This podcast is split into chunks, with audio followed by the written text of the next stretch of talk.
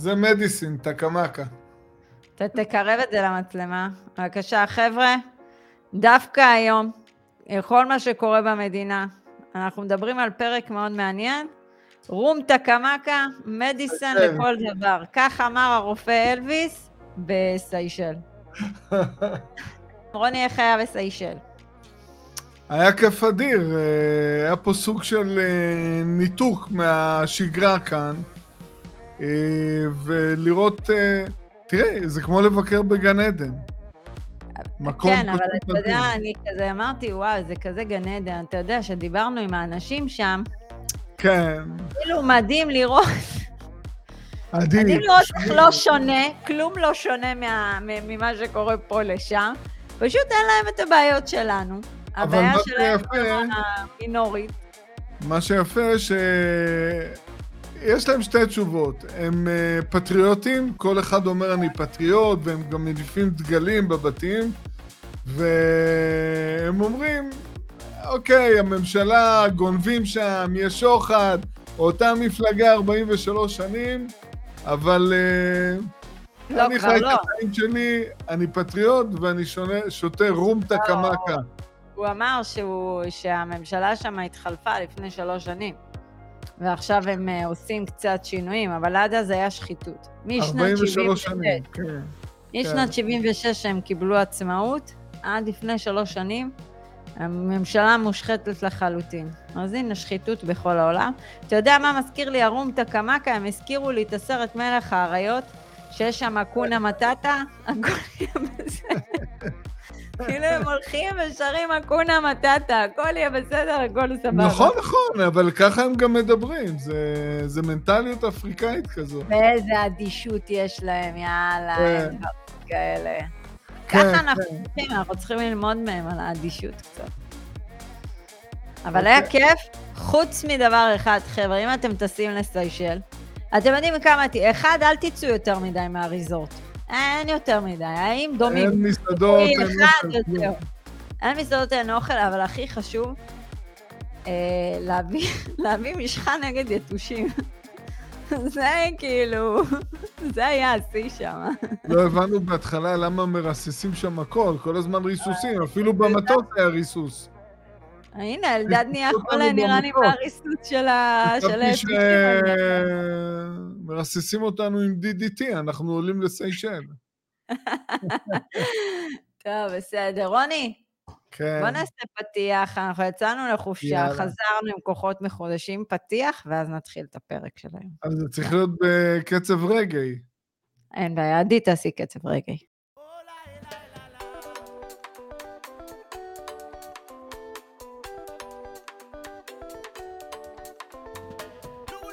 שלום לכולם, עדי בן אדר דהן, רוני אגה. את הפרק הזה אתם תראו ביום מיוחד שאנחנו חוגגים 75 שנה למדינה שלנו. בין תרצו, בין אם לא, מה שקורה עכשיו לא מעניין, זה היום שחוגגים. אם אתם רוצים לעקוב אחרינו, אז יש את היוטיוב, שכל ההכנסות שם נתרמות אחת לחודש לעמותה כזו או אחרת. יש לנו את הספוטיפיי, יש לנו את הפייסבוק, יש לנו רשימת תפוצה, לינק למטה. אה, טיק טוק, אינסטגרם, אתם מוזמנים כמובן לרשום לנו אה, באינסטגרם אה, איזה שהם הערות, תגובות, לא משנה מה, אנחנו כן מגיבים. והקורסים שלנו, גם לינק למטה, גם שיחות ייעוץ, סיימנו. רוני, פרק מיוחד, 75 שנה אנחנו חוגגים לשוק הנדל"ן במדינת ישראל. נכון, את יודעת מה, דיברת מקודם על אה, סיישל, אז אה. כשאני בא משווה את זה לישראל, מה שבנינו פה ב-75 שנים, זה פשוט מדהים. מרשים, מרשים, אה? מאוד, כן. מרשים מאוד. Uh, אבל אתה יודע, זה, האמת היא, זה מרשים, המעבר מהמעברה לזה, לאיפה שאנחנו נמצאים היום. אתה יודע, לא נכון. רק המעברה, היה פעם את הבלוקים האלה, כמו רכבת. כן, כן, אה, שיכונים כאלה. בנייני רכבת, כן. איך השתננו ב-75 שנים האלה? פעם הסבים והסבתות שלנו לא התפנקו, היו גרים בשניים, שלושה חדרים, היו גרים איזה עשר נפשות. אנחנו מפונקים. כן, אנחנו היינו חמש נפשות בשתי חדרים, של 65 מטר. בבקשה, וחתול וכלב בטח, לא? לא, זה לא מדבר, אני אה. גדלתי בדירה כזו.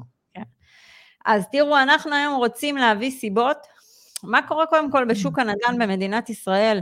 אה, רוני ואני הרבה חקרנו בנושא באחרונה, מאוד מעניין. אה, אפילו אה, עשינו קצת שיעורי בית, פרויקטים של קבלנים, קצת ביד שתיים, דיברנו, אז הולך להיות מעניין. אנחנו נתחיל דווקא עם דוגמה לדירה כן. ממוצעת, ומשם אנחנו נפתח את זה, ויש לנו תשע סיבות יותר נכון, תשע נקודות מה קורה בשוק הנדל"ן אה, ואיך אנחנו רואים את זה קדימה. אה, אבל היום דירה ממוצעת, ועשינו את זה באחד הפרקים האחרונים, שני מיליון שקלים. לכאן או לכאן, חבר'ה, לא, לא להתחיל, באר שבע זה יותר נמוך, אשקלון זה יותר נמוך, מרכז זה יותר גבוה, בסדר, זה ממוצע. ומה צריך? היום צריך הון עצמי של חצי מיליון שקל כדי לבוא לקנות דירה.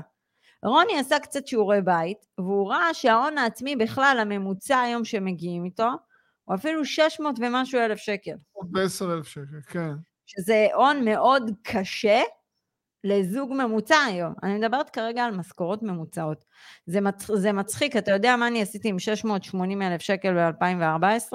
אני זוכר, אבל אני, מה שמעלה פה את הממוצע זה עובדי הייטק. חד משמעית, מסכימה. אם היינו שמים אותם בצד ולא מכניסים אותם לנתונים, הממוצע... אז זה היה פחות. חד משמעית. אז תראו, דירה היום, אמרנו שני מיליון, הבאתי במקרה חצי מיליון שקל הון עצמי, אינשאללה, הלוואי, מאחלת לכולכם, ואני צריכה לקחת משכנתה מיליון וחצי. היום אנחנו נמצאים בסביבת ריבית שונה, וזה, אני חושבת, הפקטור המרכזי, עדי תעשי בולט כזה ענק, זה אז זו הסיבה המרכזית לשינויים הקיצוניים שאנחנו רואים עכשיו בשוק הנדל"ן. נכון. אוקיי. אז אם אני לוקחת משכנתה של מיליון וחצי ממוצעת בריביות של היום, אני מגיעה להחזר של 8,190. אפשר גם פחות, חבר'ה, בסדר, אנחנו לא מדברים עכשיו על תמהילים, אבל זה ההחזר. זה בלי ביטוח. צריך ביטוח חיים וביטוח מבנה. אז מגיעים בערך ל-8,500.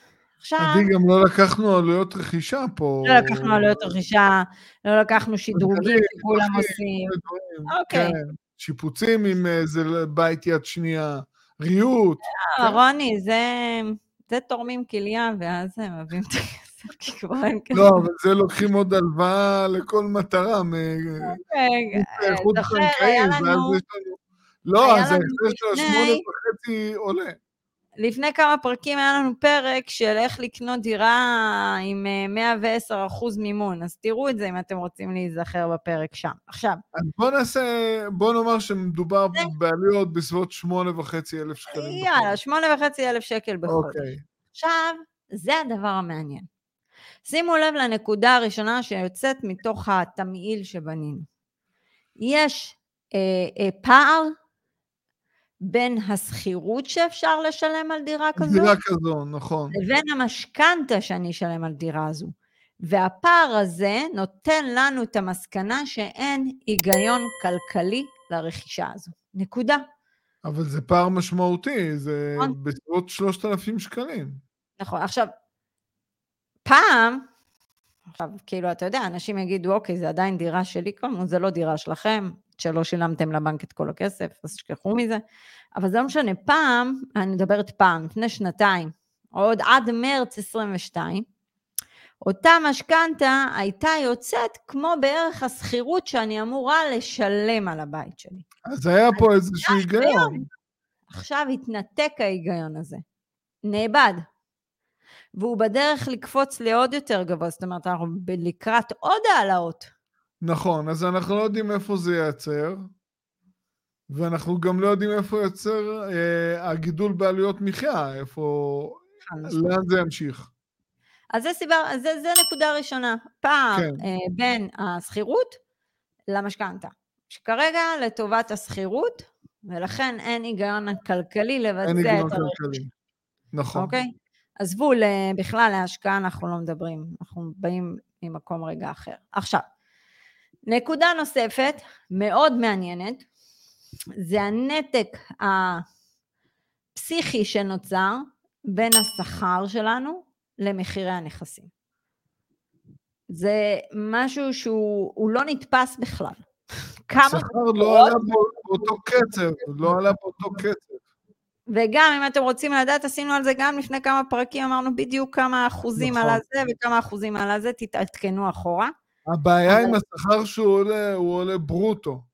מחירי הנכסים עולים נטו. ויוקר המחיה גם עולה נטו. יותר יוקר המחיה עולה נטו, באמת. נטו בכיס, הורג את כולם.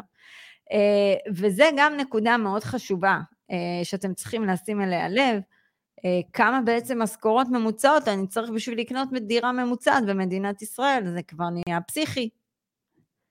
אז אה, זה נקודה נוספת שאנחנו שמים בקשר לשוק הנדל"ן. נקודה שלישית, בואו בוא נזכיר דבר, חבר'ה. בערך 17-18 שנים המחירים עולים פה ברצף, זה משהו לא הגיוני. מחזוריות בשוק נדל"ן נורמלי זה בין 7 שנים בממוצע ל-10 שנים. לא כן, אבל רצף כזה. התנתקנו לגמרי, ועוד מעט נגיע לנקודה שנתקע אותנו בעצם מזה. הנקודה השלישית שאני רוצה לגעת, וזה השלושת נקודות, הנקודות הראשונות, הנקודה הז- השלישית זה השחיקה של היכולת חיסכון שלנו כמשפחה. אנחנו רואים את זה באופן בולט. אנחנו כל מי נחשפים שמגיע אלינו רושם, עד לאחרונה חסכתי, סתם דוגמה, ככה 6,000 וככה. שקל, עכשיו אני חוסך ארבע. זה אני כאילו- יכול, אני יכול לומר כלל אצבע אדיש שיש ירידה ממוצעת, משפחה של אה, ארבע עד חמש נפשות, 2,500-3,000 שקלים אה, בחודש, חד משמעית. בקלות, וזה- וזה יכול להיות יותר גרוע אוטוטו. כן. שים לב, שימו לב, כל פעם שהריבית עולה, זה עוד יותר שוחק לנו את החיסכון. אז זה מגדיל לנו את העלויות מימון, ובינתיים גם כל מיני מחירים אה, בסופר, והכל עולה. אתה יודע, מישהו אמר לי, לאן עוד המח... היום במקרה הלכתי לקנות אה, נייר טואלט ונייר סופג. נגמר, חזרתי מסיישל, אתה יודע, צריך לקנות דברים. אז יצאתי והסתכלתי על החשבונית, אני תמיד מסתכלת על החשבונית. אז הוא אומר לי, אה, נו, המחירים עלו עוד הפעם? אז אמרתי לו, אני לא יודעת אם עלה, רק בודקת את החשבונית. אז הוא אומר לי, מתי זה ירד? אמרתי לו, נראה לך שזה ירד? יש שיטה יותר טובה, אני לא מסתכל על החשבון, אצלי זה לא עולה.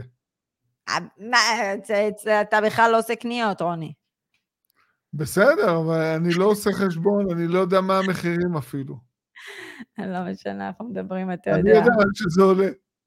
אז שימו לב, השלוש נקודות הראשונות שאמרנו פה, אני לא חושבת שהן משפיעות על שוק הנדל"ן. הן משפיעות על משק הבית, כן, אבל הן לא משפיעות כל כך על שוק נדל"ן. הם כן יכולים להוציא, סתם דוגמה, מישהו שמרוויח משכורת מסוימת, לגרום לו לא לקנות בעיר X, אבל כן לגרום לו לקנות בעיר Y, לצורך העניין. כן, אבל בכל זאת, אם אה, הוא הולך להיכנס להתחייבות של 20 עד אה, 25 שנים, ופתאום החיסכון החודשי נעלם, אני חושב שאין להם פחות מוטיבציה להיכנס להתחייבות כזו ארוכה. מה הכוונה שלי? עכשיו אנחנו נמנה נקודות שהן לחלוטין, הם פקטור שמשפיע עכשיו על שוק. הנדל"ן. ועל הפקטורים האלה, על הנקודות האלה, אנחנו צריכים היום לשים דגש. כי זה שאמרנו, יש נתק, יש זה, אין מה לעשות, לאנשים יש רגשות, בא לי לשתות קפה במרפסת, אה, בא לי שיהיה לי בית משלי, אה, כל בא ה... לי דירת גן שיזרקו לי אשפה מלמעלה. גם אופציה. אז, אה, אז אין מה לעשות, השלוש נקודות הראשונות. זה נקודות שאנחנו מביאים אותן כי הן כן סיבות, אבל הן לא חלק עכשיו ממה שאנחנו הולכים הן בסופו של נקודות תומכות. כן. אז הנקודה הקריטית ביותר שהיא תגרום לשינוי, ותמיד אמרנו את זה בפודקאסטים שלנו, זה הריבית. הריבית הנמוכה שחגגו עליה שנים פה, גרמה לפסיכיות שקורית היום, שקרתה בשוק. זאת אומרת, אנשים באו, לא היו צריכים הרבה הון עצמי. הריבית הייתה כמעט אפסית. אז מן הסתם אני לא צריך את ההון העצמי, שימו לב, הריבית עלתה, אני צריך פתאום יותר הון עצמי. לקנות דירה שהיא יותר... זה נכון, אבל אני הייתי גם אה, מוסיף לזה את הצמיחה החדה ויוצאת דופן שהייתה בישראל מתחילת שנות האלפיים. כן, רגע, כבר אנחנו... כבר ניגע בנקודה הזאת, אבל הנקודה הקריטית זה הריבית. זה פקטור כן. מאוד משמעותי, זה פקטור שמשחק תפקיד, כי הוא בעצם גור, גורם לנו להבין אני יכול לקנות את הנכס, לא יכול לקנות את הנכס. הוא גורם גם לבנק להגיד, עד לפה. עכשיו הבנק, כשהוא עושה עליכם את ה-review, הוא צריך לקחת עוד מקדמי ביטחון. מקדם ביטחון גבוה יותר, אם אתם יכולים לעמוד בהמשך עליית ריבית. אתה יודע, יותר מזה, היום אני חושבת שאנשי הייטק מגיעים לבנקים, אולי מסתכלים עליהם טיפה שונה ממה שהסתכלו עליהם לפני שנתיים. אני, זה באמת מעניין אם אה, זה באמת מה שקורה. מאוד מעניין. פעם זה אוטומטית פתח את כל אה, שערי המימון. מה זה פתח? המנהל סניף הוריד אפילו את המכנסיים שלו. אני גם ביקשתי שיכירו בי בתור איש אינטרנט. יש לנו, בתור איש הייטק, יש לנו אתר אינטרנט. יש לך גם אוטומציה, אבל זה לא נחשב עוני. לא. לא. אז הריבית זה פקטור מאוד משמעותי, ככל שהריבית עולה, זה אה, גורם לעצירה. אה, בשוק הנדל"ן, ולאט לאט לירידות מחירים, כי זה משפיע על כולם, זה משפיע על משק הבית, זה משפיע על עסקים, זה משפיע על קבלנים. אם זה משפיע על קבלנים, זה משפיע גם על נותני שירות ותמיכה של שוק הנדל"ן. סתם דוגמה, אה, תריסי אלומיניום, רשתות שבאים, מטבחים, מוצר חשמל למיניהם. אנחנו צריכים לזכור, מקודם דיברת על ההון העצמי, אז uh, אנחנו ראינו שבשנים האחרונות התפתחה איזושהי נטייה להשיג גם חלק גדול מההון העצמי, ואולי אפילו את כולו באמצעות הלוואות חוץ-בנקאיות. אז, אז שם, גם שם ההחזר החודשי עלה.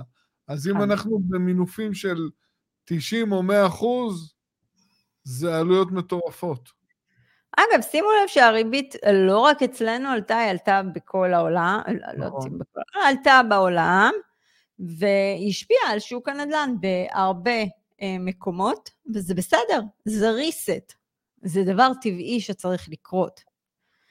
אה, אבל כשיש ריבית גבוהה, אנחנו צריכים לחשוב, זה הגיוני לי לקנות את הנכס? זה לא הגיוני לי לקנות את הנכס. פה צריך אה, לנתק רגשות. אוקיי, הנקודה הבאה, זה משבר כלכלי עולמי, שעדיין לא ברור לאן הוא הולך בכלל, כן? כן. אוקיי, אנחנו... גם אנחנו רואים ברמה העולמית, אה, סך הכל מצליחים לצמצם את האינפלציה, אבל מצד שני יש חששות לגבי היציבות של הבנקים הגדולים. נכון. בנקים גדולים, פתאום השוק הייטק נותן סימנים, לא כן. רק אצלנו. אז, אה, אז עדיין חוסר ודאות. יש פה חוסר ודאות, כי אף אחד לא בא וזורק ישר את המילה מיתון. אמ, יש קצת האטה. בוא נגיד את זה ככה. אבל עצם זה שהאינפלציה מתחיל, מצליחים לרסן אותה, זה סימן טוב. בארצות הברית, וגם באנגליה. לא, גם באירופה, באירופה עצמה גם... כן. כן. אבל אצלנו לא. בוא נראה מה... הירידה האחרונה שהייתה, הירידה האחרונה שהייתה, אתה יודע... התחילו להגיב מאוחר בהעלאות נכון. הריבית אצלנו. אז זה מצחיק שהירידה האחרונה שהייתה, שהתפרסם, שירד, האינפלציה ירדה ב-0.2 אחוז, זה היה בגלל שוק הנדל"ן. שירד. אז זה די משעשע. אוקיי, הנקודה הבאה זה עולם ההייטק. אה, ישראל אה, היא... באמת, כאילו, אי אפשר להגיד שהצמיחה שהייתה פה בשנים האחרונות היא לא, היא לא מההייטק, אבל יש האטה. עכשיו, אה, בואו רגע נעזוב רגע את הפוליטי בצד, רגע נשים אותו בצד, זה יהיה הנקודה הבאה שלנו, אבל גם בעולם, ברגע שבעצם הריבית עולה, אז משקיעים חושבים פעמיים אם להיכנס לסטארט-אפים. כשהריבית היא מאוד אפסית, אז קל מאוד להיכנס לסטארט-אפים. הגיוס, הגיוס הון בהייטק הוא קשה יותר היום, כן. נכון, הגיוס הון יותר קשה, וגם פעם אנחנו לא נשכח שחברות לקחו פשוט הלוואות ופשוט היו מגייסים עובדים. כן. ומפה נובע גם הנושא הזה של הפיטורים שמדברים עליהם בעולם, זה כאילו, אתה יודע, זה היה אבטלה סמויה, סוג של כן. אבטלה סמויה, מתקנים אותה עכשיו. אז uh, צריך גם לזכור את הדברים האלה. Uh, בואו לא נספיד את עולם ההייטק. אם יש סטארט-אפ מצליח, הם יצליחו לגייס את הכספים. בואו נשים את זה על השולחן. פשוט היום זה קצת יותר uh, מורכב, אפשר להגיד. תראי, אם אנחנו מדברים על כל הנושא הזה כלכלי, עדיין אין, אחוזי האבטלה הם נמוכים כרגע. חד משמעית, חד משמעית. עכשיו בואו ניגע בנקודה הכואבת. לא להרוג אותנו עכשיו. פעם uh, קודמת אמרנו משהו, uh, נכנסו בנו. Uh, זה הנושא הפוליטי. עכשיו אנחנו באים לא לתפוס צד, אנחנו באים להגיד מה קורה פה. רוני אמר את זה יפה, הוא אמר שיש פה deadlock פוליטי. deadlock, לא לפה, כן. לא לפה. עכשיו בואו נחשוב... וזה לא מעכשיו. זה לא מעכשיו, זה התחיל לפני שלוש שנים. כן. שלוש שנים, אין לנו ממשלות יציבות. כל ממשלה, שנה, אחר כך עוד מערכת בחירות, מלא כספים, ואז עוד פעם, בואו נוסיף שרים. בואו נוריד שרים, אבל נוסיף לא, שרים. לא, אנחנו דיברנו על זה. כל ממשלה שקמה, השרים מוחק. שנכנסים, שרים חדשים שנכנסים למשרדים, כל אחד יש לו תוכנית, מבטל את התוכנית של השר הקודם, ואחרי חצי שנה, שנה, הולך לבית, ואז מגיע שר חדש שמבטל את התוכנית שלו. אז זה, הכל תקוע. הכל תקוע. ואגב, זה לא משנה, גם אם הממשלה העכשווית תיפול, אנחנו נמצאים במצב של עוד הפעם ללכת לבחירות. עוד פעם תקועים. נלך לפל, לקלפי עוד הפעם, עוד הפעם, אנחנו באותו חלוקה של בחירות. אז אוקיי, נניח הרפורמה תעבור, אז יהיה פה בלאגן ברחובות, אז אנחנו עוד הפעם אה, תקועים מבחינה פוליטית. לא משנה איך נסובב את זה. דדלוק. והסיבה כן. הזו מביאה אותנו גם לסיבה אה, הבאה. אה, הסיבה, ואגב, הקטע הפוליטי מאוד משפיע היום, כי בעצם אנשים, הם נמצאים בתוך זה. אז זה מכניס אותם לאיזה סיטואציה, זה מכניס אותם למצב פסיכולוגי מסוים. הם פחות רוצים לקנות. פחות רוצים לקנות, אבל יש כאלה שרוצים למכור ולפזר את ההון שלהם למקומות אחרים. אתה, אתה יודע, אם, אם היינו יכולים להראות כמה שאלונים כן. וכמה בוואטסאפ רושמים לנו, אני רוצה למכור את הבית ולהוציא את כל הכתובים ממדינת ישראל. כן, זה, זה די היסטריה. זה די כן. היסטריה. אה, אז יש פה הרבה דברים ש... זה יכול להשפיע. אם המגמה הזו תתעצם, זה ישפיע על רמת המחירים. זאת אומרת, יהיה היצע גדול של דירות למכירה. לך תדע. אז, אז זה אה, חלק מהחוסר ודאות. חסר, חוסר ודאות, זה באמת פקטור שמאוד משפיע, זה לא היה קיים אצלנו, זאת אומרת, האי יציבות ממשלות הייתה קיימת. אוקיי, כן. הטרלול היה קיים, אבל עכשיו זה הוקצן לרמות מאוד קשות, וזה משפיע. אין מה לעשות. Uh, הסיבה הבאה, שזו סיבה שאפשר לצרף את הכל בערך, זו סיבה פסיכולוגית. אנשים מרגישים פחות כיף לקנות כרגע. הם אה, לא רוצים להתחייב. הרבה אנשים שלא הייתי חושבת, הם פתאום אומרים לי הריבית של המשכנתה. עלה לי ההחזר. אה, כן. אני, אני עסוק יותר במצב הפוליטי ממה שקורה פה, אני מודאג, אני רוצה למכור את כן, הדירה, אני רוצה... נכון. יש פה משהו אחר שקורה שלא היה קיים בעשור האחרון. מה זה לא? הוא לא היה קיים לפני כמה חודשים. לא בעשור האחרון. אז יש לנו סיבה פסיכולוגית.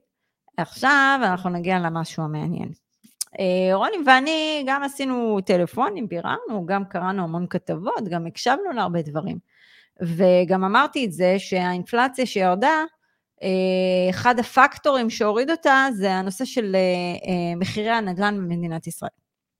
אז נכון להיום, לפי החישובים ולפי הלחשושים, אתה יודע, לא רוצים להוציא את זה לתקשורת, כן. מדברים על ירידה מינורית של חמישה אחוזים. זה הכל. אבל איפה זה נמצא? זה נמצא יותר בפרויקטים על הנייר.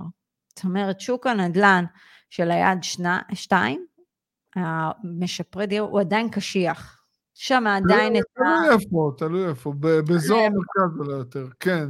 כן. יש עדיין את ה... איפשהו, אוקיי, עוד מעט זה יסתדר. היינו בקורונה, אה, לא צריך להתפשר כל כך מהר. אמ, לא, אבל באמת אנחנו... שוק הנדל"ן מטבעו הוא מגיב אה, באיטיות לאירועים. אז מה שקורה נכון. היום, אנחנו נגיב לזה בעוד חצי שנה רק. נראה את התוצאות בהמשך, אבל מה שכן, כן. הקבלנים הם מושפעים מכל הסיבות האחרונות שאמרנו. זאת אומרת, הוציאו את השלוש סיבות האחרונות שאמרנו, שאמרנו שזה יותר משפיע על משק הבית. כל הסיבות האחרונות משפיעות ישירות על הקבלנים ועל שוק הנדל"ן. גם הריבית שלהם עלתה, הם עובדים עם מימון. בדיוק, אז יש קבלנים, אני קראתי על כמה קבלנים שהם חשופים יותר לנושא של הריבית, חשופים פחות. יש כאלה שמדווחים שיש להם עוד אה, אוויר לשני רבעונים בלבד. אה, זה לא צחוק. אבל יש כאלה שקנו בפיק אדמות במחירי שיא, ועכשיו הם מתקשים למכור את הפרויקטים על הנייר ולקבל מימון מהבנקים, אה, ויש ירידה בהתחלות בנייה, אפשר לראות את זה. אם אתם לא, לא, לא מאמינים מה שאנחנו רואים, תתחילו להסתכל, אה, פרויקטים יד שנייה. בואו תראו את ההטבות שהם נותנים. זה כבר לא 20-80, זה כבר 10-90. שלם 10 אחוזים, 90 בקבלת מפתח, ואפילו המדד עליי. כן, תשומות בנייה. של... נכון, כן. וזה משמעותי. ראיתי שנה שלמה, שנה שלמה, ריבית מימון אפס. ראיתי שנה שלמה, הקבלן מבטיח לשלם שכירות. ראיתי מלא דברים.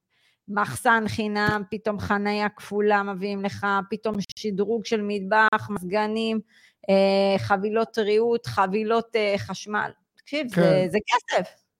נכון, זה, זה הנחה, מה?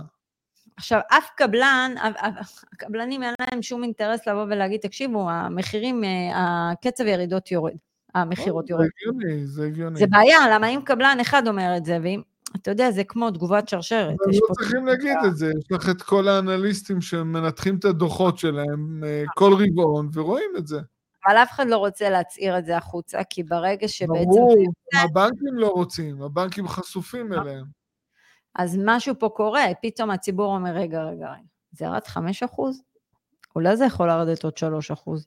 אולי אם אני אחכה חודש, הוא יביא לי עם כל החבילות האלה שהוא מציע עכשיו גם 100 אלף שקל הנחה. אולי, ואז נתחיל השרשרת שגם הייתה לכיוון השני, שהמחירים רק עולים פה. אז כן. מה שאנחנו אומרים זה פשוט שצריך לעקוב, כי כרגע באמת השוק מראה סימנים של האטה. נקודה.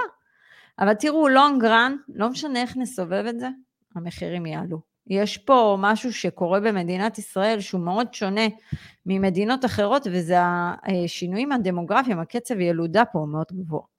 אפשר להתעלם מזה. ויש מחסור בקרקעות ובעיה עם התחלות אה, בנייה. נכון. אה, אבל זה נכון יותר למגורים. למשקיעים יש פה קצת בעיה, כי זה גידול באוכלוסייה שהיא מעמד סוציו-אקונומי נמוך יותר. זה דירות משהו? אה, צריכות להיות זולות יותר, זה לא דירות שמוכרים אותן במיליוני שקלים היום. בן גוריון אמר שהוא רואה במדינת ישראל שיהיה אפשר לאכלס פה עד עשרה מיליון תושבים. אז הוא הלך לנגב, בגלל זה חסידות גור אה, עברו לערד. איפה, איפה, איפה? תראה, אנחנו, אם אנחנו מסתכלים 20 שנה קדימה, אנחנו מדברים על גידול באוכלוסייה מטורף. נכון. צריך לתת לזה מענה בדירות. אז כן. כאילו, תראו, אם נסכם את הדברים... אבל, אבל המחירים עלולים להיות גבוהים מדי, ושוב, זה חוסר היגיון כלכלי לא, לקנות לא, את זה. חד משמעית. אבל... אמ, טוב, עזוב, יש גם את הסיבות הרגשיות שאנחנו קשורים פה למדינה, אפשר לדבר על זה עד מחר. נתנו לכם תשע נקודות אה, להסתכל עליהם כרגע מהעיניים שלנו על שוק הנדל"ן בישראל. אה, יכול להיות שהירידות האלה הן מאוד מינוריות ויישארו מינוריות, ומשם זה עוד הפעם אה, יעלה. מתי נדע את התשובות לזה? בערך עוד כמה חודשים, שנראה את ההשפעה של הריבית ונראה מה קורה מבחינה פוליטית פה. עדי, אבל יכול להיות שגם הדדלוק הזה יישאר עוד כמה שנים. אבל אל תשכח, הדדלוק הזה יכול להישאר פה, אבל כל עוד לא יהיה את הכאוס שיש כאן בחוץ, זה עוד בסדר. שרדנו okay. את אוקיי. הכאוס. אוקיי? שרדנו את הקטע של אוקיי, הולכים לבחירות, הולכים לבחירות, הולכים לבחירות, זה שרדנו. אבל מה שקורה עכשיו לא בא בחשבון, זהו, כאילו, אז... אה, כן, זה יכול להיות אה, תפנית בעלילה. בדיוק, אז מאוד חשוב לעקוב. אנחנו, מהעיניים שלנו, אה, אה, כלל ברזל. נטו כמשקיעים, נטו. נטו כמשקיעים. אנחנו קונים רק אם זה כלכלי. נקודה. אם לדוגמה, סתם, בא לכם לקנות דירה בשלוש מיליון, ויש לכם מיליון וחצי אה, הון עצמי, והשכירות שאתם אמורים לשלם באותו אזור, סתם דוגמה, היא שבע, אז יכול להיות שיש פה היגיון כלכלי לרכישה. האם תשאלו אותנו האם שווה לשים מיליון וחצי הון עצמי, זה כבר סיפור אחר. תראה, אני אתן לך אפילו דוגמה. אם הדירה הממוצעת של השתי מיליון תרד לעבר המיליון שבע מאות, וכתוצאה מהמצב הזה יהיו יותר ביקושים לדירות להשכרה והשכירויות יעלו, ודירה כזאת תושכר בשש, שש וחצי, אז uh, יהיה פה היגיון. חבר'ה, בשורה התחתונה, להסתכל מהדברים מעיניים של היגיון כלכלי. אתם לא, גם אם אתם לא צריכים לקנות משהו לצורכי השקעה, היגיון כלכלי פשוט. שמרו על הכסף שלכם.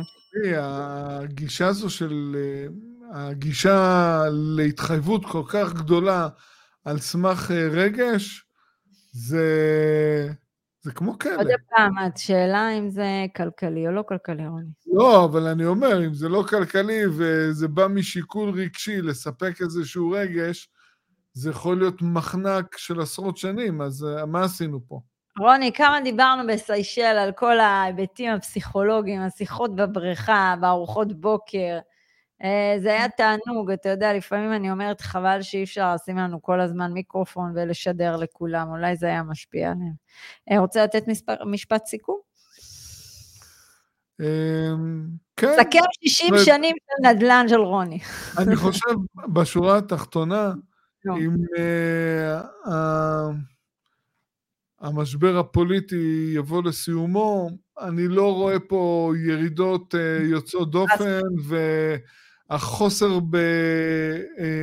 ביחידות מגורים והירידה בהתחלות בנייה, אה, בסוף ייתנו את הטון, וגם הריבית באיזשהו שלב תחזור לרדת, וההייטק יצמח.